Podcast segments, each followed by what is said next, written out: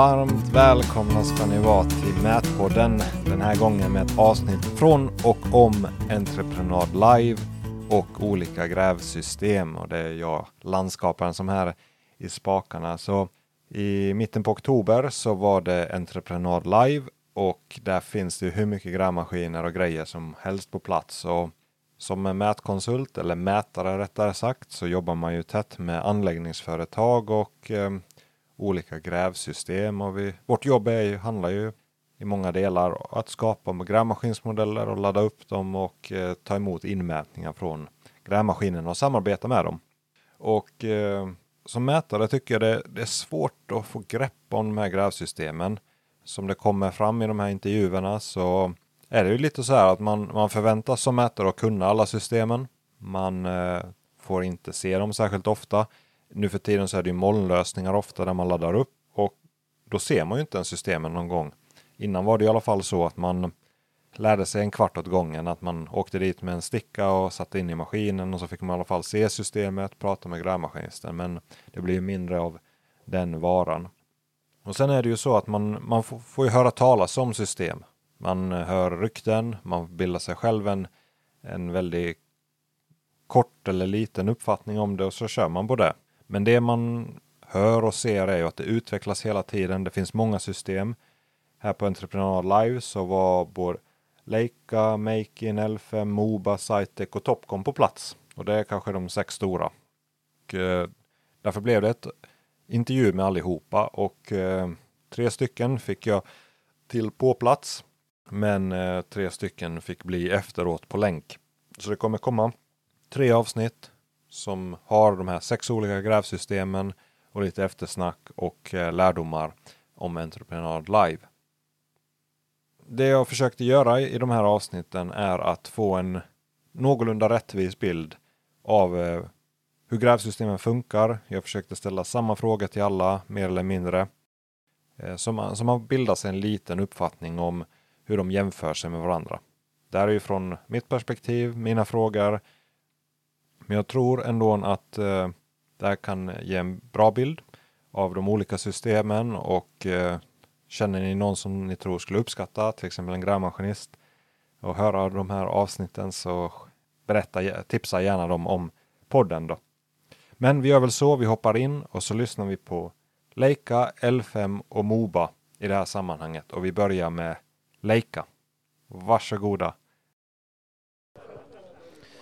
Du kan hålla i den och så ja, presentera dig själv bara. Så. Erik Alfredsson heter jag. Jag jobbar på Leica Geosystems som produktspecialist. Så jag har hand om support av eh, vårt maskinsystem. Jag ställer väl samma frågor som om man börjar med det. Alltså, vem är er målkund och vem, vem, vem ska köpa MZ eller maskinstyrningen från Leica helt enkelt? Målkunden egentligen för oss det är ju eh, Just när det handlar om maskin så är det egentligen entreprenörerna. Men tittar man på egentligen på Leicas sida så är ju vårt koncept mycket större än så.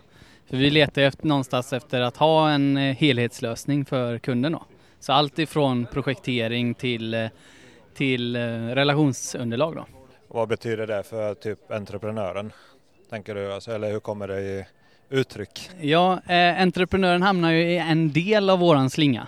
Eh, så man kanske inte behöver eh, vara med i alla delar som vi har när det gäller eh, system då, utan grävsystemet eh, i sig det ingår ju i en kategori i processen. Eh, så som entreprenör så kanske man fokuserar på just exempelvis grävsystem då. Eller det kan vara en rigg eller det kan vara en vält eller vad det nu är. Så att man får med sig hela kedjan i processen. Så inte bara själva grävprocessen utan även exempelvis för hyvling eller vältning då för att få med sig hela slingan när det gäller maskinstyrning. Ja, det blir väl lätt att samarbeta med alla då också. Man, alltså det är så ni tänker att det finns en produkt för alla. Som alla skulle köra Leica så har ni liksom ett integrerat flöde. Ja, precis. Man har ju valt att bygga en plattform som heter MC1 då. Eh, som är en plattform som är gjord för alla maskintyper. Så man har inte stoppat med att vi bara ska sälja ett system till en grävmaskin. Utan eh, systemet ser likadant oavsett om vi sätter det på en borrig eller på en grävmaskin eller vad det nu skulle vara då. Okej. Okay. Ja, MZ, alltså säg att man har jobbat med, eh, ja, man känner igen scanlaser hette det ju innan och så eh, Icon fanns också som begrepp eller? Och så kom ju MC1, jag vet inte, tre år sedan, fyra år ja, sedan. Den eh, dök ju upp för tre år sedan i ett tidigt stadie. Ja, säg att man testade den då så tyckte man nej men det, det var inget för mig, ja, det, den var kast liksom. Ja. Vad har hänt på tre år? Eh, det har vänt eh, väldigt mycket egentligen och tittar man i pipen så kommer det hända betydligt mycket mer. Idag har vi ju med oss en helt ny produkt som vi lanserar för just grävsystemet där vi kan involvera en kamera i systemet. Eh, så det är egentligen eh, hur man väljer att placera den är ju lite upp till kunden. Om man vill ha den i hytten eller om man vill flytta ut den och sätta den på stickan så att man alltid håller koll på skopan eller hur man nu vill ha det. Eh, det väljer man ju själv. Men tanken är ju att när vi mäter in punkter ute i verkligheten så är det kanske inte alltid så lätt att veta exakt var punkten hamnade någonstans. Så då kan vi ju helt enkelt spara en bild när vi är ute och mäter in med maskin. Så då får vi en bild från verkligheten och kopplat ja, ja, till... Så samtidigt som man sparar punkten så får man en, en snapshot ja. eller en bild av den? Precis. Det är ju väldigt smart. Det är otroligt smart. Men hur ser det ut med utvecklingen? Jag vet du nämnde att eh, det kommer ju vara, vara version numret nu 6.4 eller kommande release. Ja. Hur, hur, ser det ut med utvecklingen av programvaran? Eh, vi har ju fått en del eh, ja, egentligen önskemål från våra kunder där man har märkt att man vill ha vissa eh, funktioner exempelvis. Eh, och jag kan väl inte säga allt för mycket idag, man kan ju få titta här i våran monter men Eh, vi har ju en hel del på gång gällande just modellhantering och annat som, eh, som kommer komma framöver. Men jag kan ju tyvärr inte ge någon tidsplan på det. Nej, nej, men, då, men det, det händer grejer i alla fall. Så att om, man, om man köper ett system så vet man också att det händer lite eh, framåt i tiden. Och det, det låter ju som... Vi har det, inte stannat. Nej, det, det behöver man inte vara rädd för. Hur funkar det här med licenser? Det är ju intressant. Om man köper, jag vet inte om du, om du vill ge ett rund, rund, rundslängspris, alltså vad kostar ett system komplett i runda slängar och vad, vad ingår och vad kommande mm. kostnader? Eh, om du vill ge något. Eh, det är kanske lite svårt att säga exakt vad priset blir för det beror lite på eh, maskin. Eh, så det bästa är väl egentligen att ta det via våra säljare där. Men vi har ju ett grundpris som vi utgår ifrån eh, och det är egentligen en standardmaskin. Eh, sen kan du ju ha x antal tillval beroende på vad du har för användningsområde med maskinen. Då. Exempelvis behöver jag en lasersensor för att kunna köra mot en roterande laser i 2D-läge. Behöver jag en kompass för att få med mig tvåfall. Tittar vi på de maskinerna som går ut idag så är det ganska eh, passé egentligen utan man använder 3D-maskinstyrning med GPS-teknik idag. Där tänkte, du bara nämnde kompass. Alltså jag pratade med, vad var det, Makin. De hade ju monterat en kompass på sin utrustning vilket gjorde att man kunde jobba lite under viadukter om man tappar GPS-täckning. Är det någonting som man kan göra i det här systemet också?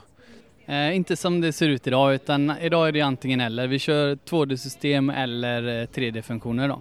Så går du in i en tunnel eller liknande så tar ju vi hellre med oss en, en TPS med oss så att vi får en eh, korrekt eh, position. En TPS? En totalstation alltså. Ah, okay, ah. Eh, så där kan man ju välja om man vill köra en enkel totalstation eller som vi nu har släppt att man kan köra även dubbel TPS, alltså två totalstationer kopplat till maskin. Okej, okay, så man har Prisma på maskin och så yes, matar så blir... stationen data ja, till. Så du blir oberoende av att behöva rotera maskinen utan du får alltid korrekt position till skopan. Hmm, intressant. Hur ser det ut med eh, support och fjärrstyrning och liknande? Allt, allt, allt med det? Mm. Eh, vi har ju vårt supportcenter som vi har bemannat där vi svarar på eh, frågor från kunderna under dagarnas gång. Det händer ju grejer, alltid. Ja. så är Support det ju. är ju jätteviktigt. Jajamän, det är ju nästan den viktigaste biten i allt. Funkar inte den så eh, fallerar ju nästan hela konceptet.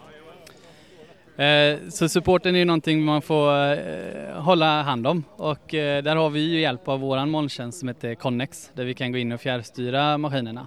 Och där kan vi ju se vad vi har för typ av problem då. Så då kan man ju se om det skulle hända något på vägen.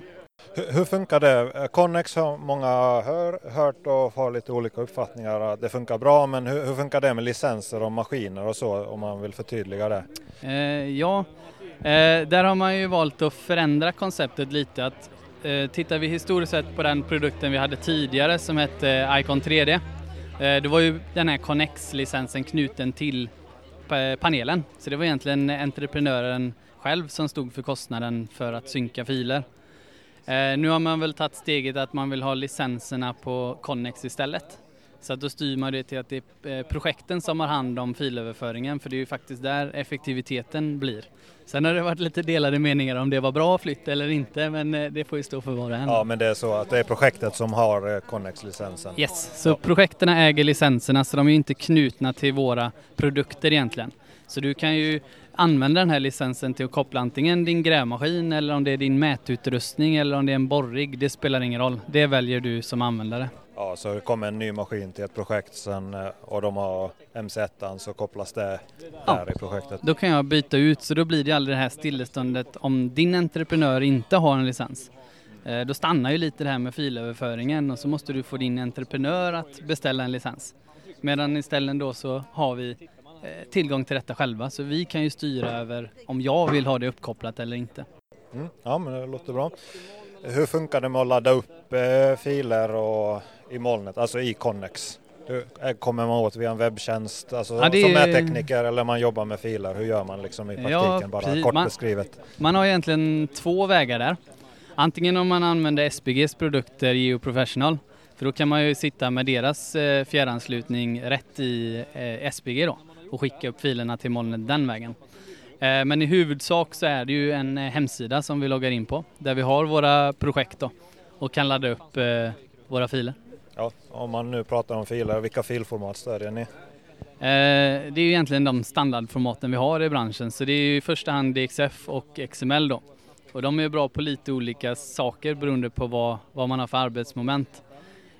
Sen har vi självklart våra egna eh, filer som vi har, exempelvis geofilen eller terrängmodellen eller MBNSen eller vad det nu skulle kunna vara. Ja. Kan man ha i en XML-fil, kan man ha flera olika typer, kan man baka ihop flera ytor i en XML-fil och lägga in? Ja, precis. Eh, gör du exempelvis en vägyta så kan vi lägga in alla lager, eh, alla terrängmodellslager i en XML-fil.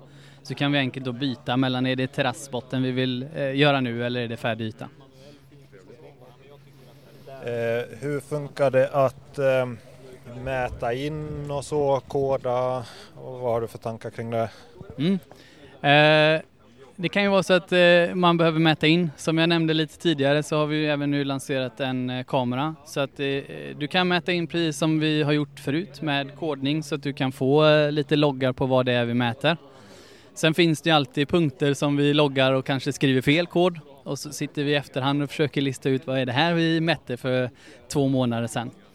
Eh, så då har man ju släppt en kamera nu då för att eh, eliminera en sån felsökning eh, egentligen. Utan vi kan ta och mäta en punkt och så spara en bild tillsammans med punkten.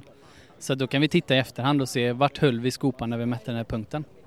Mm. Ja det, det, är ju väldigt bra för det där blir ju lätt fel. Ja, det har nog sig, hänt många. ja, hela tiden. Storlek på filer, eh, hur hanterar ni, har ni någon liksom, om man nu är med tekniker, hur, hur stora filer kan man lägga över ytor om man har mm. någon slags upp, uppfattning, megabyte eller tusen kvadrat eller alltså sådär? Eh, det finns, i MC1 så finns det egentligen ingen begränsning. Eh, vi har gjort lite tester. Sen vet jag att eh, de tidiga mjukvarorna vi hade kanske inte uppfyllde de här kraven som vi ville ha direkt. Eh, men nu när vi har kommit upp i de senare mjukvarorna så spelar det egentligen ingen roll eh, för MC1 i sig beskär modellerna så att vi bara använder den relevanta informationen som är runt skopan egentligen. Ja, så den laddar in liksom ja, delen som är relevant? Ja, så den kan ta lite längre tid att ladda in i systemet men när du väl har fått in den så märker du egentligen inte av att det är en större modell. Ja, men det låter ju lite som de andra har sagt också. Ja. Ehm, jag vet någonting som många gillar med MZ, det, det här att man kan eh, ha punkt, punktreferenser och ändra på dem och så. Mm. Ja, jag nämner det bara. Att det, jag har hört flera, flera... Ja, och det är samma exempelvis. Vi vet ju det att om du kommer ut i verkligheten och sätter brunnar så är det inte alltid att rikten på brunnen blev exakt där du skulle ha den. Så den kanske hamnar någon meter i sida i slutpunkten då. Eh, så då kan vi gå in och skapa egna modeller eller hur vad vi nu vill kalla det med nya linjer och rikta om det hela om vi skulle behöva. Ja, du kan ju ändra höjden på dem också. Ja, så vi kan använda en befintlig punkt eller mäta in med en maskin då. Eh, mäter vi in eh, befintliga punkter, mäter vi egna punkter kan vi välja flytta allt, både X, Y och Z. Medan tar vi en som kommer ifrån en ritning så förväntar vi oss att punktens position är korrekt. Men vi kan justera höjden då i efterhand. Men det vet jag att många uppskattar väldigt mycket, att det är därför de inte gillar andra system. Ja, det är kul. det, det får vara en pos positiv sak. Det är ju lätt att eh, slå på Leica för ni är ju störst och har varit med länge och jag vet det kan vara orättvist också. Det, vi, har, vi har kanske uttryckt oss lite frispråkigt har vi fått höra på podden. Fast Men eh, någonting som jag brinner för, eller ja, jag får troligtvis lyssnarna, gör det här med att vi är ju mätare då, inte ma maskinisterna. Vi äger ju inte systemen. Men och på något sätt har ju fokus ändrats så att, eh, eh eller de som äger maskinerna, är de som köper, väljer system och så. Så, så förväntas man som mättekniker kunna eh, Moba och L5 och Makin och Scanlaser och Encon har ett eget system och Trimble också. Hur, hur gör man för att lära sig det som mätare? Um jag skulle väl vilja påstå att vi har ju, dels så har vi det som vi kallat för GPS-körkort historiskt. Det är ju egentligen där vi går igenom vårt system, hur det fungerar. Eh, när det handlar om mätare så kanske de inte är eh, lika intresserade av hela flödet av en maskinstyrning. Så där skulle jag nästan att man pratar med den lokala aktören man har. Eh, för så, då kan vi sätta ihop en mindre utbildning om det skulle behövas. Annars så finns det ju en del eh, videos på eh, Vimeo ligger de ju nu då där man har lite instruktionsfilmer eh, och kan gå och titta själv då hur man gör olika moment. Ja det är ju bra. Eh, en fråga som jag har då är att kan, kan man ha en simuleringsprogramvara till exempel som mättecken, att man kan installera ett program och så kan man lägga in filen där och testa att den funkar. För det, det man inte vill är ju att man skickar den och sen hör, hör man ingenting. Ibland så sitter de och svär åt den på, i byggbaracken ja. och ibland går, går, det bra men man har faktiskt ingen aning om om det är bra eller dåligt det man har gjort. Och ännu mindre är det ju egentligen att lägga ut texten. Att förr så åkte man ut med en USB-sticka och då fick man i alla fall se systemet mm. en kvart åt gången. Precis. Men det får man inte idag, det är ju bara moln allting. Ja. Hur, hur, Eh, det finns ju en eh, simulator man kan ladda ner, eh, antingen via vår hemsida eller MyWorld som det heter då, som är vår knutpunkt för våra produkter. Så där har vi en simulator man kan ta ner och den kan vi även skicka till er om det skulle vara så. Ja, Men där kan man ju testa lite ja modeller. Och så. Behöver man någon licens för det? Eller? Nej, utan det är ju en simulator så du kan ju inte göra så mycket mer med den så den är inte så vettig som produkt. Men, Nej, eh, men... för felsökningssyfte så är den ju perfekt. Men jag tror, alltså jag tror det är jättevärdefullt som mätare att veta hur det ser ut i maskinen för man har Absolut. ju inte möjligheten att sitta med maskinisten om man inte har någon riktig kompis där på bygget. Liksom. Nej, det har ju knappt vi. De vill ju bara köra så att vi är ju bara i vägen många gånger. Ja. Jag vet inte, har du några andra grejer som du vill nämna? Styrkor eller eh, funktioner eller så som eh, du vill lyfta på systemet? Eller annars är det ju slutpitchen, alltså varför ska man köpa Leica och MC1 helt enkelt? Ja, det är ju som sagt en helhetslösning egentligen. Eh, så det är ju just det, vi vill ju ta med hela slingan. Så vi fokuserar inte bara på den här och sen så är det ju lite upp till kunden hur avancerad användare man är. Antingen om man ska börja med en 1D-maskin liksom och bara ta höjder i ett grävsystem. Eller om man går hela vägen och kör semiautomatik då där vi får styrning eh, på bomledaren. Vad, vad betyder semiautomatik? Ja, vi har ju egentligen två steg. En som heter semi och en som vi kallar för co-pilot. Eh, och det första steget i det här är co-pilot. Då kan vi få så att vi får ett dödmansgrepp i eh, våra spakar. Eh, så att tilten går med automatiskt när vi gör ett drag. Så exempelvis ska vi göra en slänt, slänt då så kan vi ta hjälp av systemet för att få korrekt släntlutning direkt. Och sen då om man spinner vidare på det här så tar vi in semiautomatik på det här då. Och då eh, handlar det om lite mer hydraulblock och grejer för att få detta att funka. Men då kan du helt enkelt på samma eh, sätt få ett dödmansgrepp. Så styr du stickan mot dig och så gör maskinen resten. Fräckt! Mm. Funkar det bra eller? Ja, det, jag har provat det och det, det, det fungerar. Den maskinen jag satt i var väl kanske den eh, eh värsta jag har sett för det var en 300 med knäckbom så bommen blir väldigt tung på den. Eh, men du ligger ju inom en till två centimeter i noggrannhet på det här då så att det, det, är ganska mäktigt när man sitter där som inte är maskinist för det är ju inte jag i grund och botten utan jag är ju egentligen mätare då. Eh, och känna att eh, man gör ett rakt drag. För det, det är ju ja, någonting det, man exakt, har märkt. det tar ju lång tid att lära det, sig. Det är ju inte det lättaste. jag, jag har kört 1400 timmar men jag kan inte det ändå. Ja. Eh, så det enda man egentligen behöver ha i åtanke när man använder det här med semiautomatik är att du ska ju inte dra med full power för att det blir ju lite vikt som kommer i rörelse och där får man ju tänka lite hur man gör det här grävmomentet. Men där kan du ju få då skopan och gå längs med en planerad yta så att finplanering och så vidare är den ju helt kanon till. Häftigt. Ja men det, det var roligt att höra det då. Så ja, det var väl mina frågor där. Eh, så om man vill eh, läsa mer, vart ska man gå in och titta och få reda på mer information?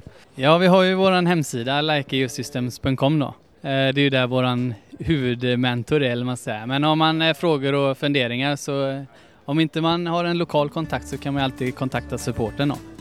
Är det så att de inte har svaret på det så, så, så letar vi reda på någon som har det. Jättebra, tack så mycket. Tack själv.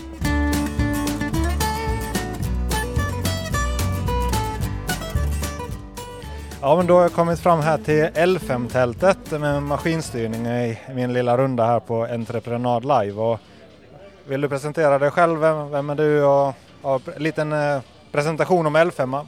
Vi är i Göteborg här så det är kanske inte så många som känner igen det än. Nej, jag heter ju Johan Spektor och är en av fem delägare på L5. Eh, jag har jobbat med mätning och maskinstyrning sedan, sedan 2002 ungefär. Okej, så det har funnits ett tag? Ja, inte L5, men jag själv har jobbat med, med mätning och eh, maskinstyrning sedan 2002. Eh, och sen började jag på L5 då 2000, 2020, januari. Eh, och eh, L5 startade 2013 av kollegor till mig, gamla kollegor till mig som eh, började med alltså konsultarbete åt eh, Epiroc, eller Atlas Copco som de hette då. Och sen så vart, gled de in på den vägen och tog in egna borringsystem. Så så ser det ut. Så hur, ehm, ja, hur många system ungefär så finns det där ute i landet på L5? För ni, ni alltså, om jag förstår rätt så ni, ni har varit i Norrland liksom väldigt mycket och så arbetat er neråt eller?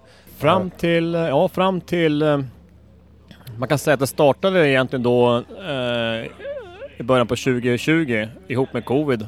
Sedan dess har vi växt under covid-tiden med ungefär fördubblad styrka, så från ungefär 13 stycken anställda till nästan 30 som vi är nu då. Och eh, innan, eh, innan då 2020 så fanns vi framförallt koncentrerat i norr.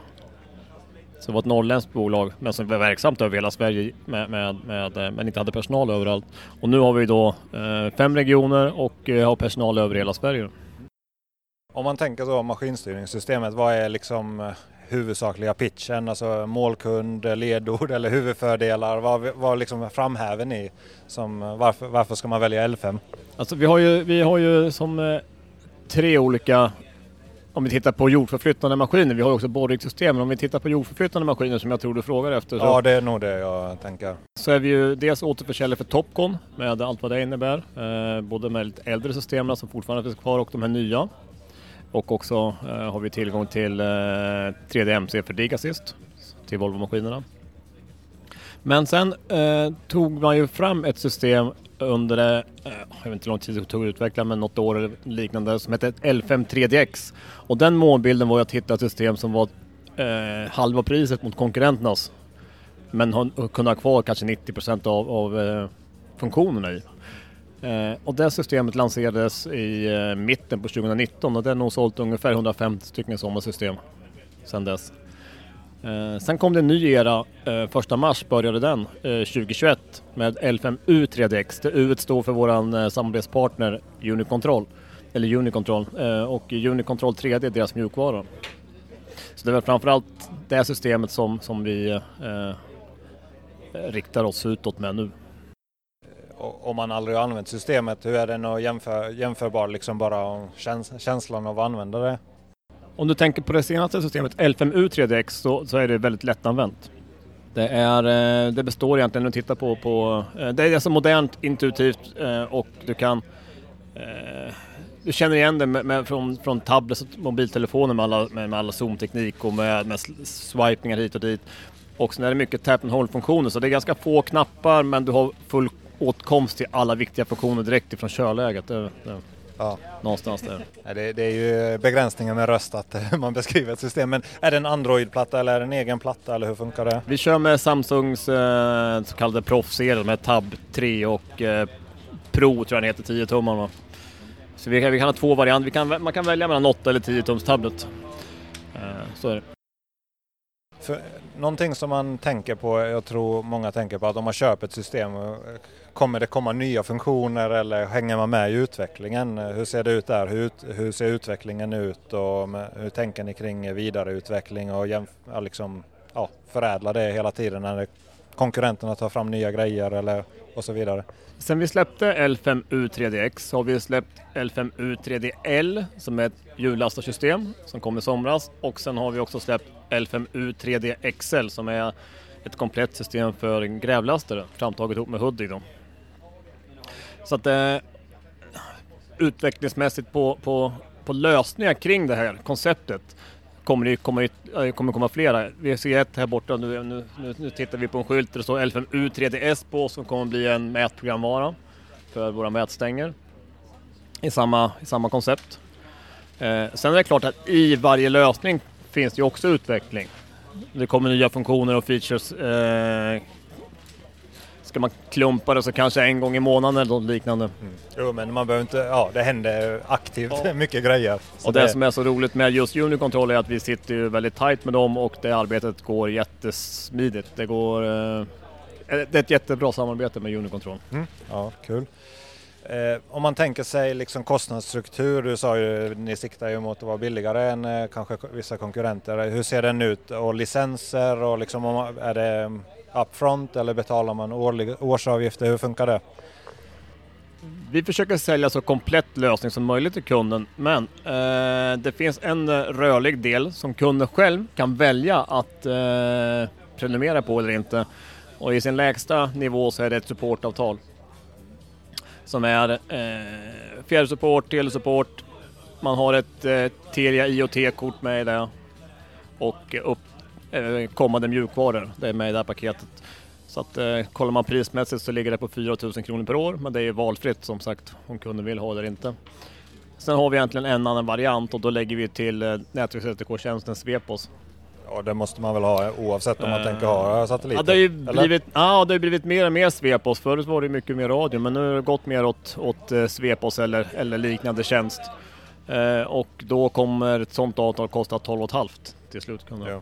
Har du någon, eh, vill du ge någon prisbild av vad ett komplett system kostar för en? Till en bandgående grävmaskin eh, så kostar ett system, det beror på givetvis vad den har för utrustning, men ett standardsystem från oss kostar 253 500 med tilt, rotationsstöd och, och tilt.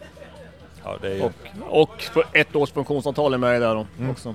Ja men det låter ju otroligt konkurrenskraftigt. Eh, hur ser det ut med support, fjärrstyrning, om man tänker nedladdning och uppladdning av inmätningar, eh, filer och sånt? Om vi fortfarande håller oss kvar vid L5U 3D-serien så är det ju då, ligger ju också, det glömde jag faktiskt säga, i supportavtalet snedstreck funktionsavtalet ligger också med, eh, molntjänsten ligger ju där. Eh, och eh, där har vi egentligen ingen kostnad på om maskinen sedan hamnar hos en, eh, en användare, en, en, en, eh, en anläggningsfirma eller liknande eller någon mätkonsult så har han ingen kostnad på att ta hand om din maskin. Så din maskin är klar i och med att du har supportavtalet. Då. Okej, okay, så det är kopplat då till maskinen igen. Om maskinen åker till ett annat projekt ja, så... Ja, och det är väldigt smart uppbyggt så man kan låna ut sin maskin i molntjänsten. Så man behöver aldrig flytta rent handgripligen göra en ny maskin på något annat konto eller något sånt här heller. Så man delar ut sin maskin kan man säga. Eh, vad var din fråga egentligen? Var molntjänsten? Ja, ja det, det, var ju molntjänsten. Om man tänker fjärrstyrning och support. Alltså mm. man, eh, det är ju så, man behöver ju alltid support när man fastnar i någonting. Det funkar inte. Mättekniken kanske vill hjälpa till ibland eller se varför funkar det inte. Vad finns det för, eller hur har ni löst det helt enkelt? Support har ni ju. Det här är nog eh, för alla våra lösningar rakt över så använder vi Teamviewer som eh, tjänst för fjärrstyrningen. Det, då blir det väldigt smidigt och så om man har en Teamviewer-klient, det vill säga om jag är mätkonsult ja. så bara får jag ID, logga Absolut. in via Teamviewer så kommer jag se exakt det som finns i maskinen. Ja, så är det. Det, det har inte, det har liksom inte funnits någon anledning för oss att hitta på någon annan lösning. Det finns ju andra lösningar givetvis då, men, men vi tycker att det har funkat bra. Vi har ju använt det i flera, flera år nu med de här äldre varianterna också då. Systemet L53DX. Så vi, är nöjda, vi är nöjda med det. Ja, Teamviewer är otroligt stabilt. Jag bara nämner här för att jag jobbar ju mot en arbetsstation. När jag kaddar så har jag en arbetsstation som är kraftfullare än min laptop och då jobbar jag över Teamviewer hela tiden, hela dagarna. Och Teamviewer är otroligt stabilt för den som inte har hört talas om det. Så. Jag skulle också vilja påpeka att i det här priset så har vi inga tillkom. Vi har ju paketerat det så bra vi kan så vi har ju också med fyra, fyra stora, de fyra stora eh, satellitsystemen. Både GPS, Galileo, eh, Glona såklart och Beidou med i den prisbilden också. Våra mottagare är ju en belgisk mottagare som byggs åt oss utav en firma som heter MGB Tech eh, och eh, den har Trimble OEM-kort i sig. Och våra, våra sensorer kommer från ett företag som heter Signal Quest i USA. Då. Det men, säger inte mig någonting. Ja, men det, det är ett företag som jag, har hört, som jag har hört levererar en, jag hörde siffran 10 miljoner sensorer per okay, år. Så de, de vet vad de pysslar med? Ja, jag tror Nej, det, någonstans tar ens kunskapsområde slut. man, nej men på skruv och mutternivå, hur långt i skruv och mutternivå ja. kan man ja, veta. Det. Men nej men det låter, låter bra. Om man tänker eh, någon, ja, man, alla maskinister förväntas väl på något sätt mäta in lite grejer nu. Och så hur hanterar man det i systemet ungefärligt? Eh, kan man, om man mäter in grejer, hur hamnar de hos mättekniken eller den som tar hand om eh, materialet? Och kodlistor. Våran, jag vet inte om du var framme och tittade på... Jo, jag, på, jag har kollat på, ja, men nu kör vi på det listorna. Var, det, var, det var ju äh, i, i körläget så har du ju sex stycken knappar som ligger där hela tiden. En av dem är just mätknappen. På den mätknappen står vilken kod som du har aktiverat just nu. Så att när du vill mäta i någonting, se till att du har fokuspunkten på redskapet mitt, vänster eller höger på rätt ställe. Sen trycker du på mät. Tiondelen senare ligger den där punkten på molnet. Ja, så det är fullsynkat hela tiden? Så. Och givetvis vill du ha en annan kod så kan du gå in med tap and hold på den där knappen och välja ny kod eller skapa en ny kod. Kodlistan kan du också skicka via molntjänsten ner till maskinerna på ditt projekt också. Ja, så man kan göra den på kontoret, lägga in ja. den i... Ja, det är ju väldigt bra. Och mätaren sen, han går ju in på sitt projekt på molnet och hämtar data då. Eh, loggade punkter och då kan han filtrera direkt på vad han vill ha. Vilken maskintyp, vilka datum, vilka koder eller vad det, vad det nu kan vara och sen eh, får, eh, får han ut en CSV-fil med det han begär. Då. Ja. Kan, kan man eh, släcka, vi säger om man har mätt in någonting, kan man släcka det så det inte syns eller filtrera det på koder? Eh, eller hur, hur, funkar det? För jag vet bara att jag hade en maskinist som sa han gillade inte ett annat system eh, eftersom han, han var tvungen, vi säger om han mätt in VA och mätt in berg till exempel så ville han släcka berget men ändå se sitt inmätta VA. Är det någonting man kan göra nu eller hur funkar det? på den här mätknappen, om man har kört tap and hold på den eller tryck och håll-funktionen på den där man kommer in i kodhanteringen, där finns ett öga för varje kod. Så då är det bara att trycka på ögat så det blir nedsläckt så släcker den den koden. Så svaret är ja. Ja, man kan släcka per kod. Ja. ja men det låter jättebra. Filformat, hur ser det ut? Vi använder två filformat och eh, vi använder XML för ytor. Man kan också stoppa in linjer där, till exempel en centrumlinje eller en vägmitt eller någonting så får man med sektioneringen på den. Eh, och sen använder vi punkter och linjer i DXF normalt sett.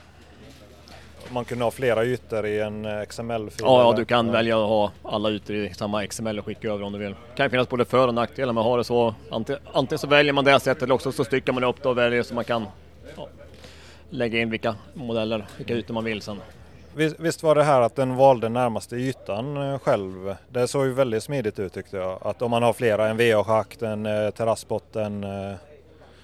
Ja, en, en utav, en utav uh, featuresen i, i mjukvaran är autosnap. Och det är autosnap dels mot ytor och dels mot, också mot punkt eller linje. det är två, två saker som händer samtidigt. Så när du närmar dig en yta så kommer han snappa mot den ytan som är närmast. Men du kan också välja genom att trycka och hålla på den ytan du vill ha, låsa mot den. Så kommer den inte att hoppa emellan. Men till exempel står du och terrasserar åt ett håll och tar emot förstärksmaterial bakom ryggen på dig så kan du ha två ytor igång samtidigt. Du behöver aldrig, aldrig trycka någonting emellan. Det är bara att vrida maskinen och sen börja fortsätta terrassera och sen ta emot materialet åt andra hållet. Och kollar man då på punkter och linjer så skulle man kunna tänka sig att du står och terrasserar och sen har du ett fundament att gräva så fort du närmar dig den punkten så kommer du få den informationen så kan schakta den punkten på en gång utan att du behöver röra någonting. Likadant där går det också att låsa på enkla medel. Eh, om du inte vill att den ska hoppa runt utan jag vill ha väg mitt låst hela tiden så låser du mot den bara. Eh, någonting halvrelaterat till det, vet många maskinister vill ju kunna göra egna hjälplinjer eller skapa, vi säger om man satt en brunn, DXFen säger att man ska ha en brunn där och så, har man, och så hamnar ju inte den där den ska, den ett par meter bort för det var något i vägen och så vidare. Om det är sådana jobb man vill, eller gör. Kan man på något sätt liksom anpassa det ute i fältet eller är man beroende av mättekniken och justera eller hur, hur funkar det? Här måste jag titta lite, lite grann in i framtiden och eh, en variant på det. Det finns, du nämnde hjälplinjen. Vi kan skapa hjälplinjer väldigt snabbt för det finns en specialfunktion med den här knappsatsen som ligger ute att du kan skapa en hjälplinje direkt i fält mellan två punkter. Det vill säga mellan en punkt till exempel som är befintlig och din skopspets. Eh, det är vad vi kallar för hjälplinje. Sen kan vi, ska jag säga det här, idag går det inte att lägga till en egen punkt direkt i maskinen. Men projektet är lanserat. Så, att, så ni jobbar på så det? ge det ett par månader så kommer det hända rätt mycket gällande de grejerna. Ja, men det låter ju lovande så det, då vet man om man... Om, vissa, ja. vissa vet jag gillar den funktionen väldigt mycket, till exempel i MC1 att man kan ja. ha punkter. Och, Nej, men, det, det, men ni har koll på det antar jag? Ja, ja vi, vi, våra mjukvara är ju egentligen byggd av våra kunder. För det är de, det är de, det är de kraven vi bygger dem på. Så att vi vet om det och vi, är bara, vi har inte hunnit dit än helt nej, enkelt. Nej, jag Men det låter ju jättebra. Eh, jag ser ju på skylten där att ni har ju, snart släpper vi en ny lösning. Kan, det här med att använda GPSen lös till exempel. Eh, vill du berätta om den? Eh, det är också kanske ja. lite framtidsblick eller Den här L5U3DS som vi väljer att kalla den är ju någonting som är, eh, kommer komma snart.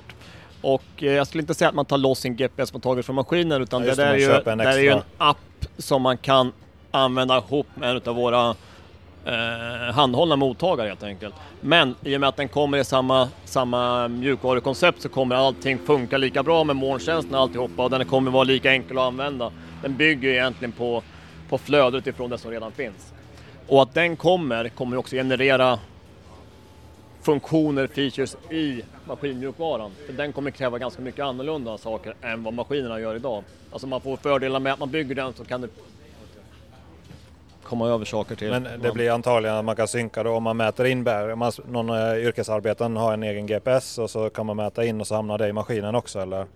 Exakt. Uh, och uh, det är väl det som gör att det tar lite längre tid att bygga en sån grej för det involverar ganska mycket molnfunktionalitet också. Ja, det ska synkas och allting sånt där. Ja, men intressant.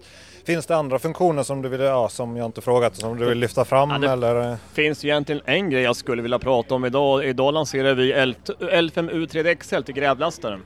Där har ju vi nu en, en maskinkonfiguration för hela maskinen så att eh, man kan alltså köra en knapptryckning, vända sig om och köra eh, Lasta den, eh, nästa sekund eh, köra grävaggregatet helt enkelt.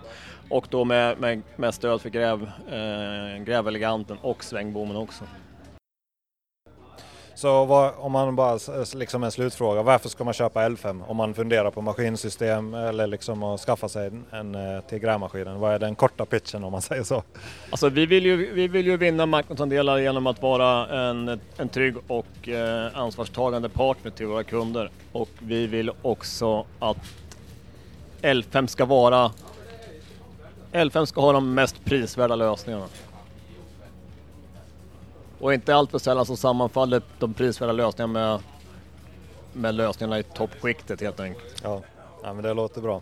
Så det är gräm, eh, ja, maskinstyrningssystemen helt enkelt. Jag ser ju här också att ni har flera stycken, eh, vad räknar jag till, fem, tio, ja, mellan 5 och 10 GPSer på stänger. Jag antar ni säljer, eh, här står M-lid och så är det något annat ja. märke också. Om du vill bara kort berätta. Ja. Då är det ju kanske mättekniker jag tänker ja, på precis. som eh, funderar på prisvärda GPS-lösningar, GNSS. Vi har ju eh, tre stycken egenbrandade mottagare, L5 eh, M-Lite 2, M-Max och M-Pro. Alla de går att få med tilt. Uh, och de är liksom, det är ju en stege kan man säga. Det M-Lite är liksom instegsmodellen och det Pro är toppmodellen. Så där har vi MIMU-baserad uh, tiltsensor i. Och de här kör vi egentligen, du ser att det är ganska lika stängerna här. Är, vi kör ju dem oftast med, med eh, egen, egna, egenbrändade tableten eller eh, den heter ju M-Tab. Eller också kör vi dem med, med Samsung Tab 3. Så det är huvudena som skiljer dem. Och eh, toppmodellen kan ju både ta emot och, och sända radio. Den batterier. Skillnaden mot M-Maxen är att den har inbyggda batterier men kan också ta emot och sända radio. Och M-lighten är mer en nätverksrover men den kan faktiskt också ta emot radio. Så att, dock inte sända. Så det är ju väldigt moderna mätmotorkort de där. Plus ja, någonstans 800 kanaler, snabba. Bra algoritmer. Och eh, våran toppmodell färdigutrustad med ett års Vepos kostar ju ungefär 100 000 kronor. Mycket pris. För en dum fråga, man måste ju ställa dumma frågor för att lära sig. Vad är radio?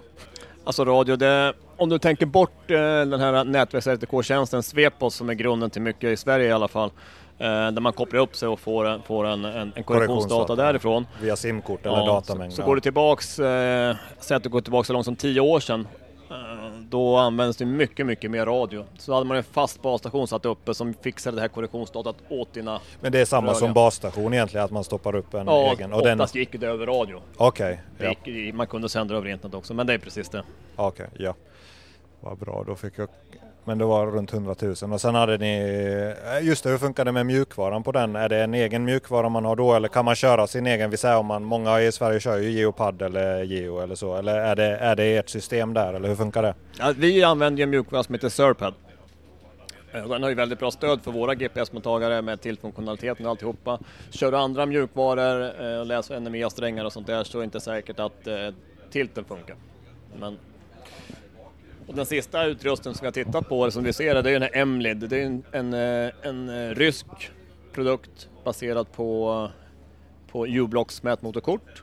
Som också har, det sa jag inte om de andra, men alla våra, vi tar bara in eh, mottagare som har de här fyra stora systemen. Galileo, eh, Beidou, GPS och eh, GLONASS. Samma sak gäller för, för Emliden. Eh, och den eh, kan du få färdig att mäta med för 50 000 kronor. Då. Bara huvudet om du bara vill köpa den kostar den 20 000. Det är billigt. Ungefär, och du, och du, ja, men du kan köra statisk GNSS också för den eller? Mm, jag tror faktiskt att man kan det men jag har aldrig gjort det. Men jag låter det vara... Jag, ja, låter det vara osagt. Jag, säga det. jag tror nästan, jag frågade. Ja, men jag tror också ja, vi, Jag tror det finns ett statiskt läge i dem där. Men, men jag... Men eh, man kan ju alla säga, vissa mättekniker, jag vet om man gör ett stomnät till exempel, någon gång hyrde vi 16 GPS för man behöver ha alla samtidigt så det, då börjar ju bli liksom, priset börjar ju spela roll. om vi säger det är så. enkelt att kolla upp givetvis, men jag, just ja. jag skulle säga att det har det också, men jag är lite ödmjuk och säger att vi ska Nej. nog kolla upp det innan Nej. jag säger att jag ja, lovar någonting i alla fall. Det är bra. Men okej, okay, så om man är nyfiken, vart går man in och läser, vad är hemsidan, ja, hur hittar man er bäst och så vidare? Det är ju l5navigation.se närmsta där har du vår nya hemsida. Där finns egentligen allt att läsa. Där har du också kontaktsidan till alla våra kollegor, eller alla mina kollegor runt om i Sverige som ni kan ta kontakt med. Ja. Perfekt. Tack så mycket för att du ville ställa upp ja. en intervju. Ja, det är bra. Tack.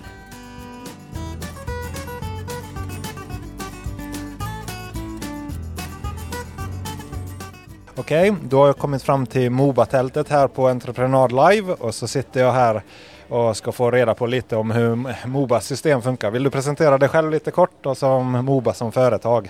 Ja men absolut. Eh, och tack för att vi får vara med också såklart. Eh, Simon Wikberg heter jag, eh, jobbar på Moba sedan ungefär fem år tillbaka i tiden. Eh, när jag kom hit från början så var det väl främst på asfaltsidan som jag började och hade hand om Moba Tysklands produkter. Då. Eh, men längre tiden har gått så har jag gått över även och har koll på Novatron då, som vi hette tidigare. Men idag har vi bytt namn till Moba. Ja, det är nog bra att känna till för jag har, jag har nog inte gjort kopplingen innan att det är Novatron och alltså det är samma som Moba helt enkelt. Nej, vi bytte namn för ungefär fyra år sedan till Moba då, genom att eh, Moba gick in som delägare i Novatron Finland. Och i det köpet så vart vi helägt i Sverige av Moba-gruppen. Okej, okay. vad bra. Om man, om man tänker sig, vem är målkund liksom? Ja, det kan ju vara alla så, men vad är liksom pitchen? Varför ska man välja Moba som eh, leverantör av maskinstyrningssystem? Alltså vi, våran målgrupp är väl allt ifrån den eh, ensamma maskinisten till stora bolag. Alltså våra absolut, absolut eh, största eh, företag och vi vill ju driva utvecklingen framåt i byggprocess och annat. Att flytta tekniken ut till maskinerna. Mm. Ja, det, och det kanske vi kan prata om helt i slutet där, för ni har lite lösningar där också. Men hur, hur många system ungefärligt är ni installerade i, vi säger Sverige eller ja, ni kanske andra länder också? Så man har en uppfattning om vad ni... ja, alltså kollar vi bara i Sverige så börjar vi närma oss snart 2000 system eh, ute på svenska marknaden. Då. Eh, och kollar vi i Finland där vi är ursprunget ifrån så har jag ingen sådär exakt siffra hur många system vi har. Men där är vi ju verkligen marknadsledande. Ja, men det, ni, ni är ju bland de, jag vet inte, är ni störst eller bland de största åtminstone av systemen? Så, men om man tänker, ehm, jag tänker så här att anläggarbranschen är väldigt traditionell. Man har använt ett systemet en gång eller man kanske testade det en gång eller man hörde en kompis testa det en gång och så hörde man ett, ett yt yttrande kring det och så beslutade man sig så här är det. Men eh, det händer ju grejer hela tiden. Att, eh, om man säger att man använde er för eh, tre till fem år sedan, eller säg tre år sedan, det här hette Novatron. Vad har hänt efter det? Om man nu har testat det innan och tyckte vad man nu tyckte om det. Ja, det är ju egentligen inte ens det system vi har idag. Om man ska vara riktigt ärlig. Är, vi har bytt alla sensorer, det är nya datorer, det är nya skärmar, det är helt ny mjukvara. Eh, så att, eh, ja, det är inte samma system idag som för tre år sedan. Nej, Okej, okay, så hur ser systemet ut om man tänker hur ser platt, äh, plattan ut i för den, ja, nu är det ju röst, röst så man får ju beskriva lite. Hur ser plattan ut? Vad är det för sensorer? Liksom kittet liksom ungefärligt. Är det en mm. egen platta, hårdvara eller är det Android eller ja, så vidare? Ja, all hårdvara som vi har, det är väl viktigt att nämna, det är ju någonting som vi tillverkar, tillverkar själva. Eh, och det har ju också sina fördelar såklart. Så att när vi pratar garantiärenden och annat så har vi full kontroll på vad som händer ute i fält. Vi tar åt oss väldigt mycket av våra kunder, feedback. Eh, ser vi att det är någonting som verkar vara lite sämre enligt oss så har vi väldigt enkelt att justera de här komponenterna genom att vi tillverkar det själv. Då. Eh, och, det måste ju vara väldigt bra. Ja. Eh, sen eh, vi har ju väldigt eh, smidiga små sensorer. Eh, de är lättsamma genom att eh, går någon sönder så är de inte, de är liksom inte beroende av att sitta just på ramen om det är en ramsensor utan vi kan ju sätta den på stickan också. Det är bara ett ID som vi ändrar när vi flyttar den då. Eh, så att vi har ju många sådana små funktioner också som är väldigt bra. Eh, kollar man på skärmen så är det ju egentligen bara en skärm. Men den är ju väldigt anpassad till att sitta i en maskin. Och det är ju den eh, grejen till exempel när vi sitter ute i dagsljus. Det har väl alla varit med om att om man ska kolla på en platta eller någonting så är det väldigt svårt att se vad det står och sådär. Eh, så har vi en, en skärm som är väldigt anpassad för att klara av solljus lite bättre. Intressant. Eh, är det fysiska knappar på skärmen eller är det mer en skärm, att är det touch eller hur funkar det? Eh, det, det främsta utgår ifrån att det är touch. Eh, sen har vi lite knappar för att ändra ljud och ljusstyrka och begära hjälp snabbt. Om man pratar om det här med hjälp då, alltså hur funkar supporten? Eh, ja, säger, man fastnar eller något går fel eller hur funkar supporten? Man begär hjälp genom att trycka på våra mitteknappar på skärmen och så ringer man till vårt supportnummer 020 20 30 25 och så är det alltid personal som sitter enbart för dem och svarar i telefon och supporterar våra kunder. Och då fjärrstyr vi enheten och pratar med kunden samtidigt och så be beskriver de deras fel. och vi hjälper dem direkt på plats. Så ungefär, vi uppskattar ungefär 90 procent av alla fel löser vi den vägen. Okej, okay, så man får väldigt mycket support låter det som? Alltså att... Mm. Ja, jo, det ingår ju kostnadsfritt på alla våra system. Ja, för om man pratar lite om eh, ja, kostnader, licenser, hur, hur, ser den strukturen ut? Liksom, eh, är det årsliga, årliga kostnader eller i vilken storleksordning är de? Ja, hur ser licensstrukturen och kostnadsstrukturen ut? Ja, alltså vi bygger ju mycket mer på att paketera det direkt i köpet. Så att vi vet ju om att vi är kanske inte billigast direkt i köpet, men å andra sidan så är det ju alltid fria programvaruuppdateringar, fri fjärrsupport, friköpta licenser alltid eh, för GPS och programvara. Eh, vi har inga kostnader för dataöverföring utan det är en, eh, vi har en portal som vi lanserades nyligen, Lanova X, där man delar data både ut till maskiner och mellan maskiner helt kostnadsfritt. Mm.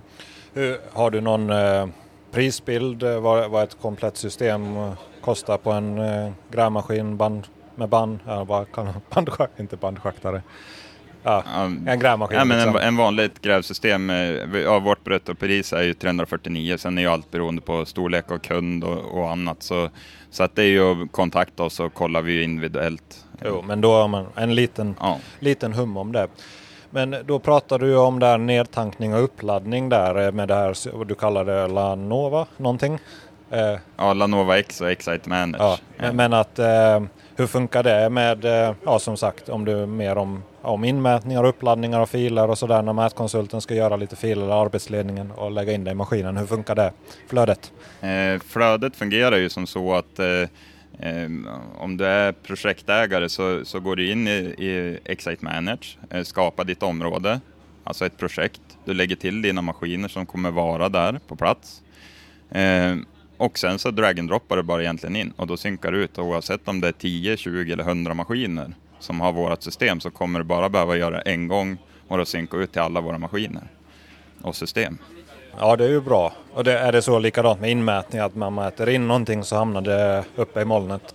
Ja, alla inmätningar från alla de maskinerna då som är på projektet hamnar tillbaka i Excite Manage och du som mätare kan ladda ner det direkt i kontoret.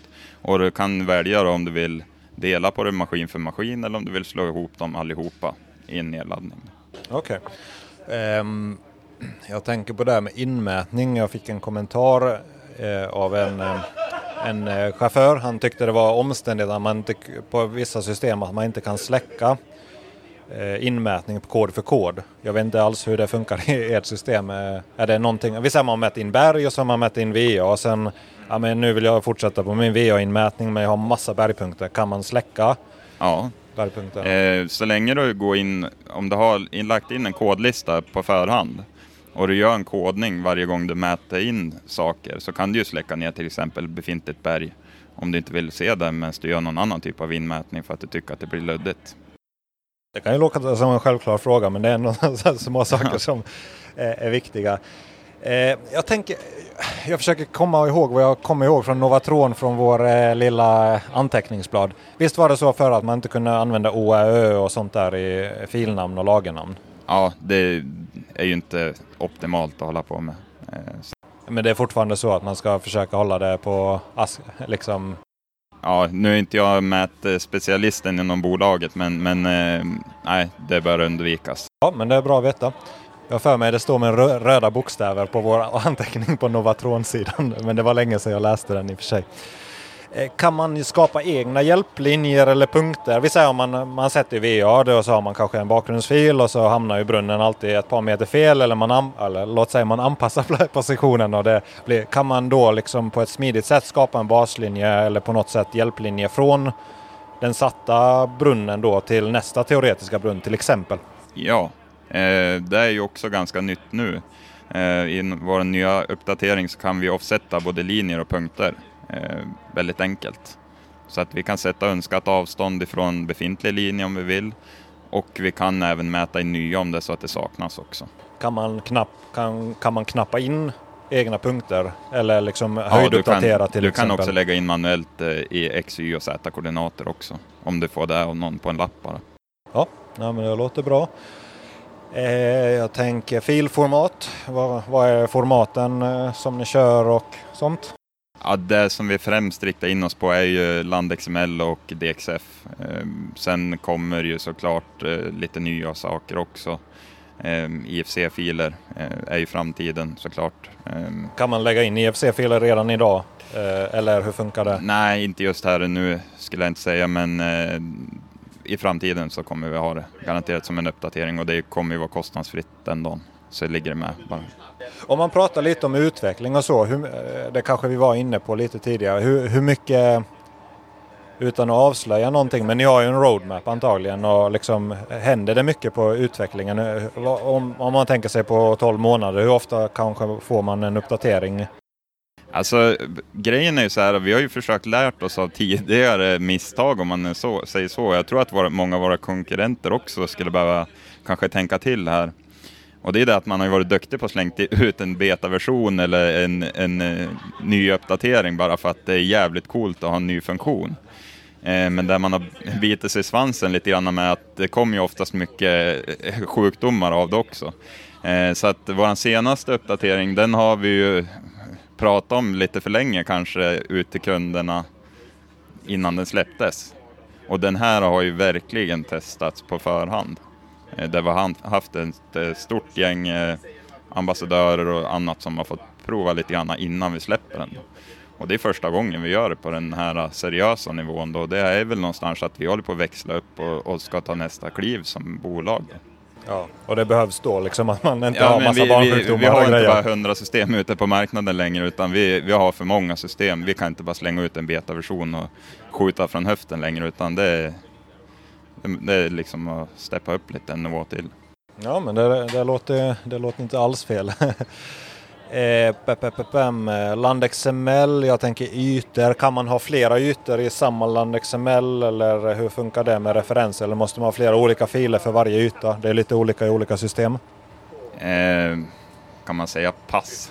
Okej, vi säger pass på den då. Eh, som sagt, jag är ju liksom ingen Nej. mättekniker så, utan, men, men vi hanterar ju, vi läser ju in hela projektmappen och det är ju bra att särskilja dem i alla fall i filer för att vi tänder och släcker specifika filer. Om du vill städa upp så är det ju kanske skönt att och liksom ha det mer tydligt i alla fall. Ja, ja men det man, just det, man släcker och tänder specifika filer. Kan man i en till exempel DXF, kan man om man nu är så pass intresserad som grävmaskinist släcka individuella CAD-lager eller är det filer? Man styr man på filnivå eller hur funkar det? Ja, det är ju, det är ju på filnivå, eh, som sagt lite utanför mitt område, men vi har ju lite Eh, här kan man väl passa på att slänga ett, ett cred till oss att vi slänger ut en hel del också i, i vår hemsida. Där finns instruktionsvideos hur man tänder och släcker och kan städa upp. För vissa tycker att det blir lite rörigt ibland eh, i skärmen för att det är väldigt mycket eh, data om du har en VA-schakt, en kabelschakt, eh, terrass och olika överbyggnader, du har massa punkter och, och linjer överlag så blir det väldigt rörigt och jag kanske bara ska följa några fundament till exempel. Ja men då vill man ju släcka ner allting annat och bara ha dem synliga i princip. Ja, men det, och på tal om det att lära sig, eller liksom, att man kan kolla filmer och sånt. Hur funkar det? Jag har nämnt det kanske tidigare i avsnittet här redan, men att någonting jag tycker är jätteviktigt att som mätare lära sig ett system. För man förväntar sig som mätkonsult i alla fall att kunna liksom alla system. Maskinisten man kan fixa filer där och så har man ingen aning om hur det, hur det funkar. Och så fråga, eh, istället för att fråga supporten ibland så frågar de ju oss då eller mig och så vet man ingenting. Och förr kunde man ju gå med en sticka och, liksom, och då lärde man sig en kvart åt gången åtminstone och titta i de där menyerna. Men det gör man ju inte idag. Hur, hur, hur går man tillväga där? Eh, alltså idag just som mätare, ja dels så försöker vi alltid utbilda mätare internt, eh, eller alltså det är ju antingen så via Teams eller att vi träffar er fysiskt då, eh, självklart. Men sen är det ju så att istället för att det kommer, som du säger om USB-stickan idag, så har du ju Excite Manager och du kan koppla upp det själv på systemet som mätare också. Om en, en eh, maskin ute på eh, arbetsplatsen säger att ja, men du, den här modellen ser jättekonstig ut. Eh, kan du kolla vad, som, vad kan vara fel? Då kan ju du koppla upp det som mätare, kolla, ja men det ser rätt ut eller det ser fel ut, ja men då justerar vi lite här, vi gör en uppdatering till exempel går det också att göra, eller det, det kopplas live då till den maskinen eller att man ser vad de ser på skärmen? De begär hjälp precis som vanligt, trycker på skärmen och du kommer se Excite Manage på deras projekt då, den som begär hjälp och då kan du koppla upp det på den maskinen. Kan, finns det sån möjlighet att se eh, att man installerar typ ett program på sin eh, laptop till exempel där man ser alltså en simulator av Ja. maskinstyrningen så att man själv kan lägga in filer Ja. och liksom leka med maskinen typ? Du kan kontrollera all data också på förhand själv. I en, i en simulator som du säger på datorn. Ja, så den kan man, om man får ta kontakt med er så kan man få Ja. den tillgänglig. Absolut. Det låter ju väldigt bra för i alla fall som mätare känner jag liksom, man, inte, man vill inte göra misstagen live. Nej, nej, nej, det är dumt att gå den vägen. Det är bättre att prova innan. ja, jättebra.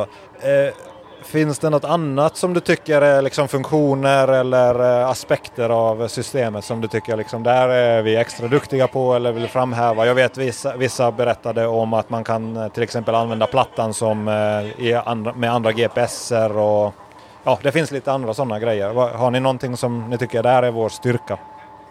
Nej, men alltså det är väl framförallt liksom, vad ska man säga? Vår största styrka är väl att vi ser det ju som, som ett väldigt bra, bra verktyg och enkelheten för, för maskinisten men ändå kunna göra det mest avancerade som du ändå kan tänka dig att göra utan att liksom tömma på enkelheten. Och det är ju en jäkligt stor utmaning i sig. Eh, att inte komplicera bort det för mycket. Du, du jobbar liksom i ditt 3D-läge och där kan du mer eller mindre göra alla val du behöver. Eh, det är väl en, en del såklart. Sen eh, vi kan ju hantera väldigt mycket stora filer. Vi körde till exempel in en flygning, eh, kan jag ta som ett, Ett exempel. punktmål. Ett punktmål på över en och en halv miljon punkter in i systemet och det ligger här på demon. Så det kan vi kolla på sedan. Ja, det vill jag... Ja, det får... och det är den vi ser här också.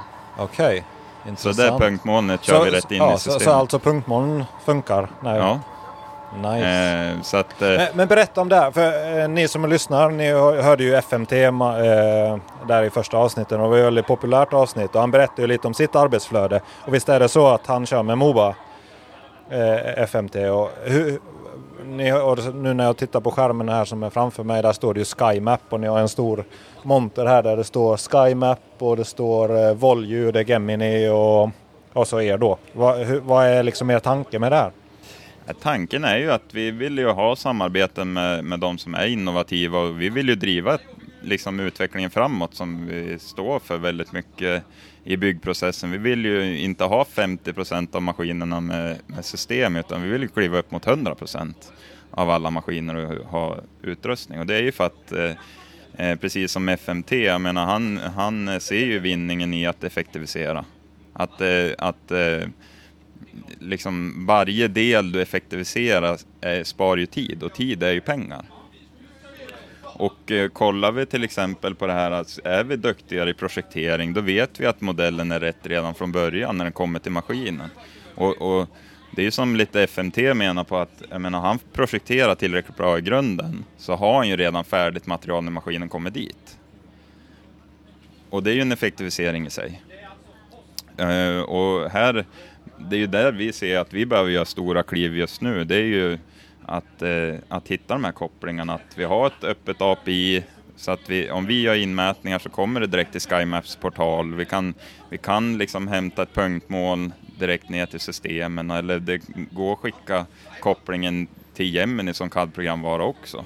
Och vi kan ju till exempel exportera ut en, en modell från Gemini och komma direkt ut i projektet till alla våra 100 maskiner om det skulle vara 100 maskiner Ja, så man behöver inte exportera det till en fil på datorn och sen ladda upp det på Nej. en portal utan direkt från Gemini så kan Ja. man bara pam så hamnar det i maskinerna. Exakt, så det är en koppling direkt på projektnivå då, som du har gjort en synkning. Häftigt. Och man, men säger du att man kan göra det till SkyMap också från maskinerna? Ja, och det är ju nytt nu att vi kommer även att, eh, att ha ett API till SkyMaps portal också, där vi kan, om vi till exempel tar flygstöd som är väl det vanligaste man håller på med från våran sida. Då. Att du mäter in flygstöd och så gör en flygning så får du direkt från staven in till deras portal. Ha, spännande. Eh, men när du säger stav också, säljer, alltså eh, har ni en egen stav eller hur Mm. funkar det där? För jag Ja. trodde bara, jag visste inte det alls. Ja, jag ser ju det att där står en gul stav. Ja, det är väl ganska nytt egentligen att vi har en stav och den, den baseras ju mycket utifrån även vårt grävsystem som programvara. Men det är ju för att dels så ska ju maskinisterna enkelt kunna använda den och mäta in. Ehm, Det är enkelt för dem att komma igång, eh, börja jobba med. Eh, Och du kan även dela, om du skapar till exempel egna punkter eller ytor, husgrunder och så vidare, så kan du ju dela dem också till grävmaskinen. Så har de ju att kunna köra efter det. Har, du något, har ni något bruttopris på en sån stav med platta eller? Liksom? Ja, stav och all, all utrustning är 99 000.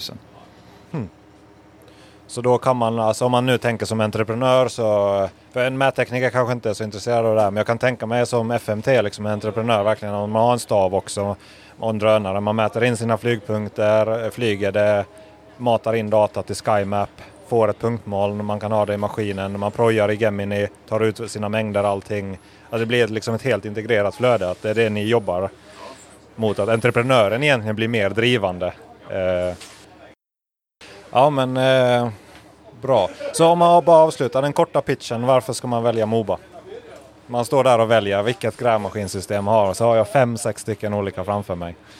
Vi, vi ger mer. Det är väl vad vår nya slogan kommer innebära och, och vad vi menar med det lite grann, det är ju att vi, vi vill vara absolut bäst vad gäller supporten. Vi vill ha den bästa paketerade lösningen. Eh, vi vill ha en, en helhetskontroll, att vi äger allt ifrån eh, första tillverkning till att vi lämnar över produkten i slutändan. Vi har en egen programvara som vi utvecklar själv.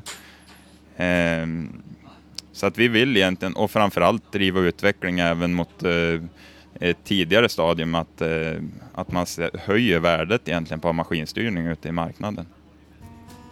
Så att vi vill ge mer helt enkelt. Härligt. Kul. Mm. Tack så mycket för att ni ville vara med. Tack så mycket.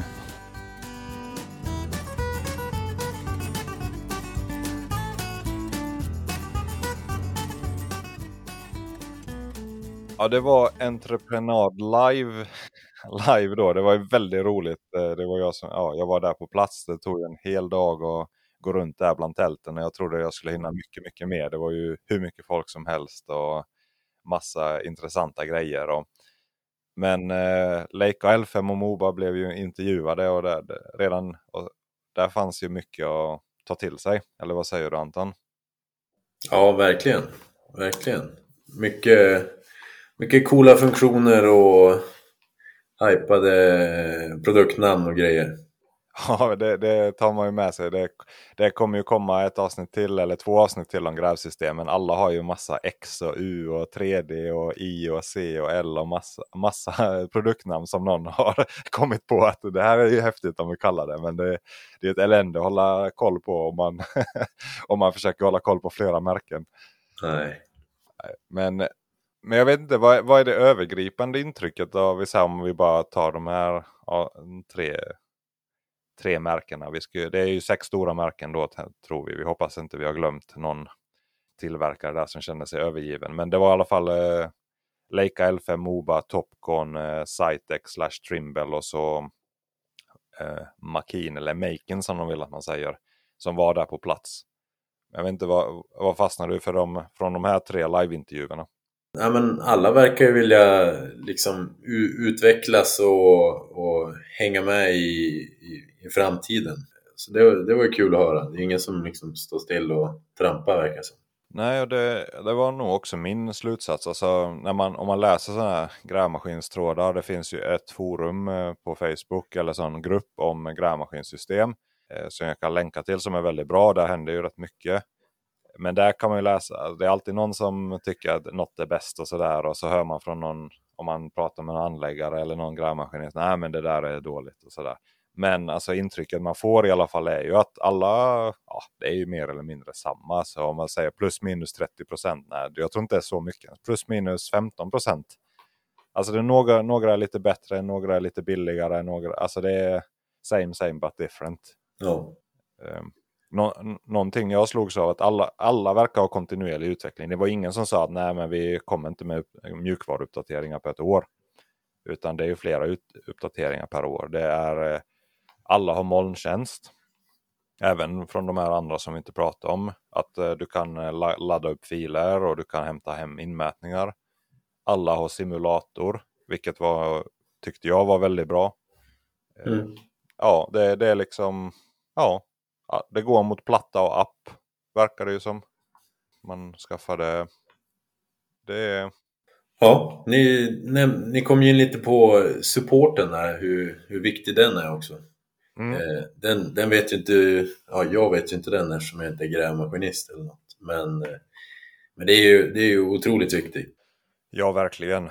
Alltså det funkar ju inte det så är det ju, spelar ingen roll hur, vilka funktioner man har. Och, alltså om, funkar det inte så funkar det inte. Och det kan ju vara så många saker. Det är ju inte säkert bara modellen utan det som grävmaskinist måste man att sladdarna funkar och du har signal och det är kalibreringar och massa andra aspekter som vi som mätare inte funderar över på ett grävsystem. Så det finns mm. ju många aspekter här med grävsystem som eh, inte vi egentligen vet något om eller kanske bryr oss om heller på det sättet. Men jag tänkte, alltså Leica där, jag har skrivit upp några saker som jag fastnar för. Det, alltså de är ju, nu sa de inte hur många system de har, men jag, det känns ju som de är störst. Eh, det kan vara Moba också, hade, har ju runt, vad hade de, runt 2000 system. Leica sa inte hur många system de har, men jag tror, Leica, liksom man hör ju det, Leica finns ju överallt. Men de, de, häng, de utvecklar just, alltså de brände ju väldigt många broar där känns det som när de gick över från Icon 3D eller Icon till eh, MC1 att eh, det var en, eh, han berättade om var på Hard Rock Café där på kvällen och så var många grävmaskinister där och så var Leicas eh, representant där också. Och sa att den kvällen var det inte roligt att vara Leica anställd. Han fick, han fick liksom vara representant för all skit som Leica någonsin har ställt till med. Att, alltså, jag tyckte synd om honom. Jag, gick, jag satt bredvid honom och jag kunde inte stå ut och vara med. Liksom, det kändes jobbigt att vara där så jag gick, gick därifrån. Men, men att där med Icon så var det ju, då fick man ju en engångskostnad verkar det ju som. Och att mycket av funktionaliteten som inte var färdigutvecklad kom inte med i MZ i början när version 1 släpptes. Så det, det, det är nog många som, eh, ja vad var det, tre fyra år sedan då, som brände sig där och då det har Leica en uppförsbacke för och det hänger med. Men om man tar från det som de faktiskt har idag, det är ju en väldigt bra produkt. Man kan göra väldigt många grejer det utvecklas kontinuerligt. Funktion, kanske till och med bäst funktioner, jag vet inte, men en del tycker ju det i alla fall. Um, alla avancerade funktioner finns där och man kan flexibiliteten. Så det tyckte jag var intressant. Och just att de fortsätter att utveckla. De, eh, han pratade om semiautomatik. Det var nytt för mig. Jag lärde mig väldigt mycket om det. Vi kanske kommer in på det nästa avsnitt. För det var andra som också har det. Men eh, som kamera att man kan ta foton, eller, att den automatiskt tar foton på inmätningspunkter. Jag tycker det, det är ingen... Så här när man tänker efteråt, varför har man inte haft det tidigare? Det är en jättebra funktion. Ja, ja verkligen. Eh, jag såg på Leicas hem, eller på hemsida, eller det var surveyors.se som hade sån nyhetsflash där. Det var att eh, Leica har introducerat säkerhetssystem. Eller sådana varn, vi säger, jag, tror att det man har en sensor på sig som arbetare. Att, att alla pratar med alla på något sätt. Liksom att du kan se i grävmaskinen, nu närmar sig någon bakom mig och sådär. Mm. Och det är integrerat i systemet. Och det är ju jättebra för en byggarbetsplats. Det har inte någonting med det här att göra. Men att det, det, det poängterar ju var ju att alltså det är ett ekosystem. Han pratar kanske inte så mycket om det men det han, han kör kanske lite säljsnack där men en slinga och en process och en loop. Det kanske inte säger så mycket för mm. hederliga arbetare. Men, men ändå att de har ju tänket och de ser ju liksom businessperspektivet. Och ja. Man kan ju nog kanske bli frustrerad på det ibland när man hamnar för mycket emellan där i businessperspektivet. Men att de har ju blicken där och de är ju innovatörer och vad ska man säga om det. Mm. Och han vill ju inte säga ett pris men jag har ju hört från andra frågat lite vad de har fått gett för ett Leica liksom, och det är ju inte dyrare än de andra. Alltså det är ju det är inte den, alls den billigaste men alltså det är jämförbart med Moba liksom och mm. mellan, utan att säga för mycket men mellan 300 och 400 000 så att det är inte, det är inte dubbelt så dyrt än de andra på något sätt. Nej, ja, men det är bra. Eh, maskinerna verkar ju bli liksom, de blir smartare. Så kan man ja. säga. Helt klart. L5 jag vet inte vad du fastnade du för någonting där? Eh. Halva priset med 90% av funktionerna. Det var taglinen. ja, Nej, jag har väl inget eh, enskilt för L5 egentligen. Jag har, jag har mm. faktiskt inte jobbat med dem överhuvudtaget. De verkar ju vara väldigt nya. Det verkar ju vara alltså, om jag, det verkar ju komma från borrvagnar och från Norrland. Och sen har de kommit in på grävmaskiner bara ett par år sedan då. Ja. Så det är ju en uppstickare får man ju säga. Ja, verkligen. Men att app, alltså appbaserat, du har en app, du kan ta med dig den. Eh, du har, eh, de hade ju en egen GNSS-mottagare och återförsäljare för MLID. Så de synkar ju där. Jag tänker att det var mer anläggar, nytta för anläggarföretag. Vi kan ju prata om det mer också senare. Men att det är det här konceptet att en anläggare har en GNSS-mottagare själv och du kan mäta in i grävmaskinen, eh, yrkesarbetaren, grovisen kan mäta in ute i fält, allting synkas ihop. Ja, det funkar. Mm. Eh, de satsar på hjulgrävare, borrvagnar eller traktorgrävare. Mycket uppdateringar. Jag testade det lite och tittade på skärmen. Kändes väldigt simpelt, väldigt intuitivt. Man trycker tap and hold-funktioner. Prisvärt. Ja. Mm. Väldigt ja, prisvärd, enkel, enkel och just det här med och jag tror nyttan med GPSen är ju, vi får prata mer om det sen, men det, det tyckte jag var integrationen var intressant för en anläggare då, eller entreprenör. Ja. Sen var det ju Moba. Vad, ehm, jag vet inte om du har du använt Moba eller Novatron någon gång? Nej, inte alls faktiskt. Nej. Inte, har du? Bara någon enstaka gång laddat upp någon fil men in, inget egentligen.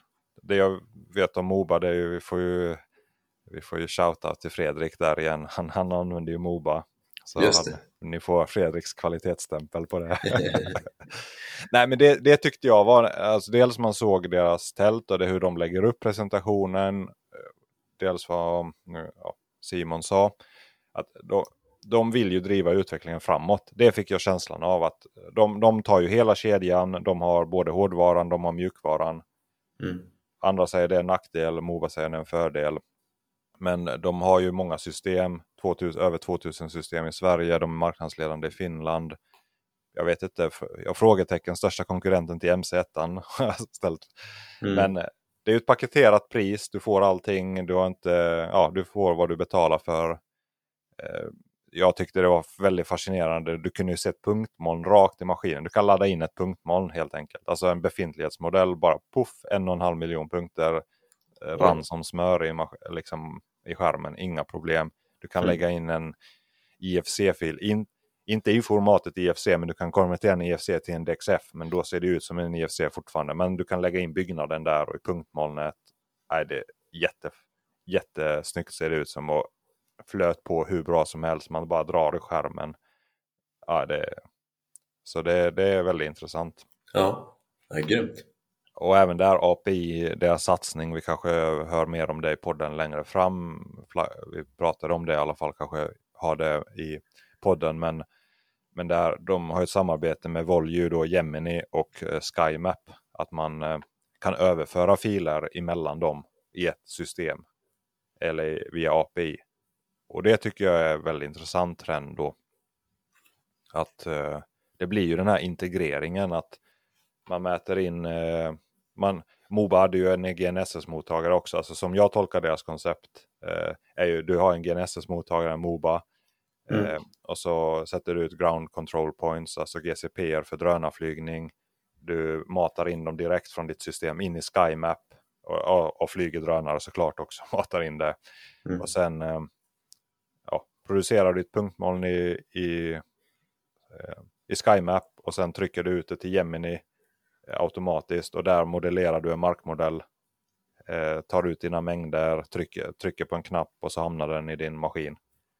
Mm. Så, så att du får ett flöde i de här filerna. Du behöver inte exportera och sen importera utan och, Mm. och grejerna funkar tillsammans. Så, och det är väl det som är att eh, det här flödet mellan och effektiviseringen och det att entreprenören gör potentiellt mycket, mycket mer av det som vi kanske som mättekniker, mätingenjör, mätbranschen, konsulter har gjort. Mm. Det kommer ju kräva kunskap också från entreprenörernas sida, men jag tror eh, ditåt går det. Ja, ja, verkligen. Sen, jag tänkte bara, vi tar lite annat som jag gick, när jag gick runt där på, ehm, Ja. på, eh, på Entreprenad Live. Jag gick förbi Blinken Tools. De hade ju flera intressanta grejer. Flashiga grejer. Georadar. Den tyckte, vi testade den. Jag ska ladda upp en liten, bara en kort filmklipp på Youtube som jag länkar så man kan se det. Men i princip är det som en liten, eh, liten gräsklippare kan man väl kalla det. Som, eh, som du kör på hjul. En vagn. Mm. Och så är det som en, man kan väl kalla ja, en radar, en, ett ekolod som gör, det skickar ner signaler i marken och får, får tillbaka någon slags respons. Mm. Det är inte jätteenkelt att tolka den, du får ju massa, massa bru, eller brus eller signaler på en Signaler, skärm helt enkelt. ja. Du, så, så att du får ju lära dig att tolka det. Det, det är liksom inte en, du får inte en bild av vad som finns utan du ser att här händer någonting. Alltså, Mm. eh, kraftigt, liksom, det blir en störning, alltså det blir ett annat material eller någonting. Men det, det som är jättefascinerande, när han körde där, man kunde väldigt tydligt se hur tjock asfalten var. Eh, direkt på flygfältet där, alltså okej här var ett, en topp och här var ett bindlager och här var Ja. eh, AG, så du kunde ju få den liksom 20 centimetrarna översta. Mm. Och sen kunde du se när du gick över en kabel, aha, här är en kabelschakt. Alltså du kunde ju se det i, i asfalten också, att här var ju skuret liksom. Men då Mm. ser, så, ser du det i skärmen, liksom, här är ju uppenbarligen en kabelschakt. Och här måste ju gå några kablar. Okej. Och här, här är ju motfyllningen, eller sanden runt Mm. kablarna och så vidare. Så även om man måste lära sig det så var det ju väldigt enkelt för att få en väldigt bra hum. Och den gick ju ungefär 10 meter ner då. Kunde du Mm. använda den. Och den var inte, vad var listpriset? 180 någonting. Så det var Okej. ja, K Mm. mätteknik. Eh, hade sån, eh, Sweco hade köpt någon sån. De sa det var några stycken som hade en sån i Sverige. Då.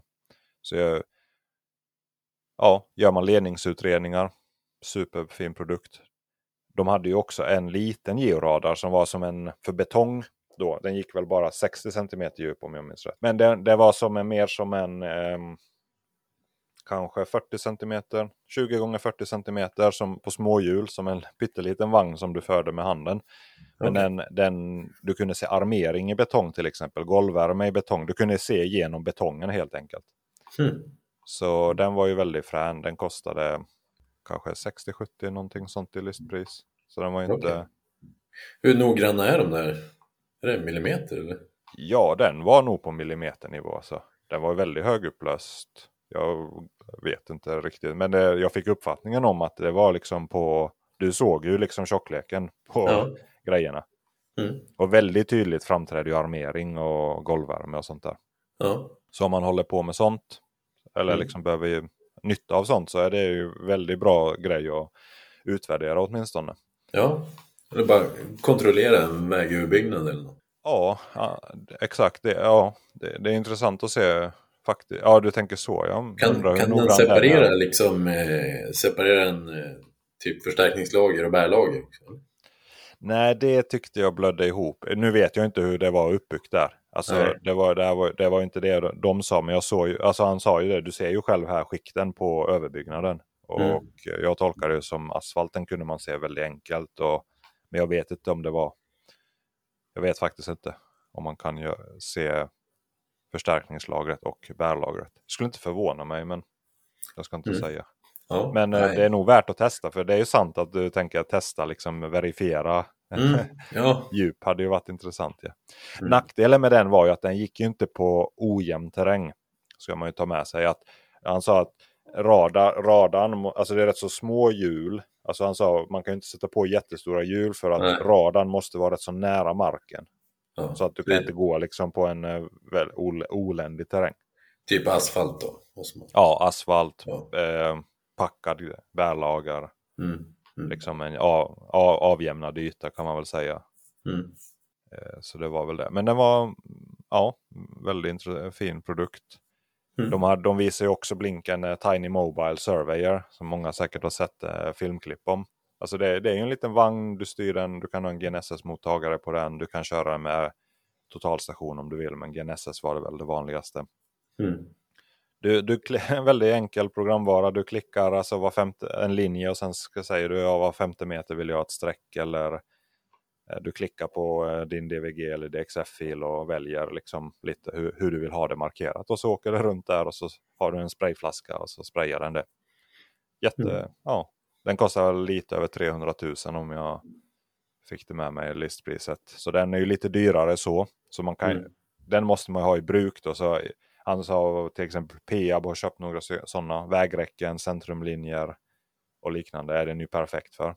Jag kan Ja. tänka mig, han sa den kom ju från fotbollsplaner, alltså typ eh, fotbollsklubbar eller om du har sportstadion som behöver måla, alltså du har fotbollsmatch och sen har du någon hästridning och så har du någon annan sport liksom, att du eller måla klubbmönster och sånt.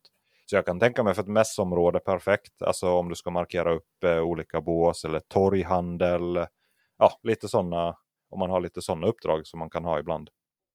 Så var det ju väldigt effektivt sätt då. Bara lägga in DXFen, markera vilka linjer så åker den och Ja. markerar. Typ ledningar och sånt, kan man markera det också? Ja, det, det är väl bara den kan köra så. Är det väl, Mm.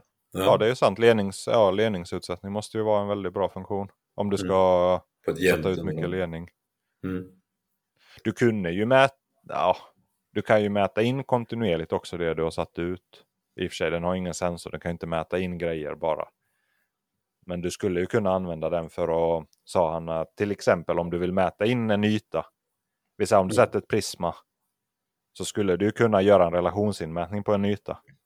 Ja, ja. Det var lite mer kreativ lösning. Men att du har ju ett jämnt avstånd då. ja. Och så liksom får du en, liksom en profil på Mm. eh, profil på det hela. Så du skulle ju kunna samtidigt som du sätter ut mäta in grejen och få en eh, liksom någon slags koll på hur det ser ut. Mm. Ja. Så det, det var en väldigt, ja, det är ju i linje med det här med automation. Annan, annan produkt som, de hade ju Sokisha-grejer då. Ja, det var väldigt fina grejer tyckte jag. Men Sokishas GNSS-mottagare måste ju hållas för att upplevas. Den, jag, ser, jag prenumererar ju på tidningen SK ja, från kart, Sveriges mät och kartförening, alltså Sinus. Och där finns ju mycket reklam då. Men där har jag sett Sokishas GNSS många gånger som reklam. Och så tänker man, vad, vad då, vad är en, liksom en liten GNSS-mottagare, vad spelar det för roll? Den är så skön. Alltså den väger ingenting. Alltså den är... Alltså. Nej, den vägde typ 300 gram, alltså den var ju hälften av de andra. Alltså, det är så skönt när man höll i den. Man bara, den här kan jag tänka mig gå med en hel dag. Alltså håller man en lite tyngre GNSS, du vet man får ont i axeln och så där Ja, ja. kallt och så låst arm, armläge och så.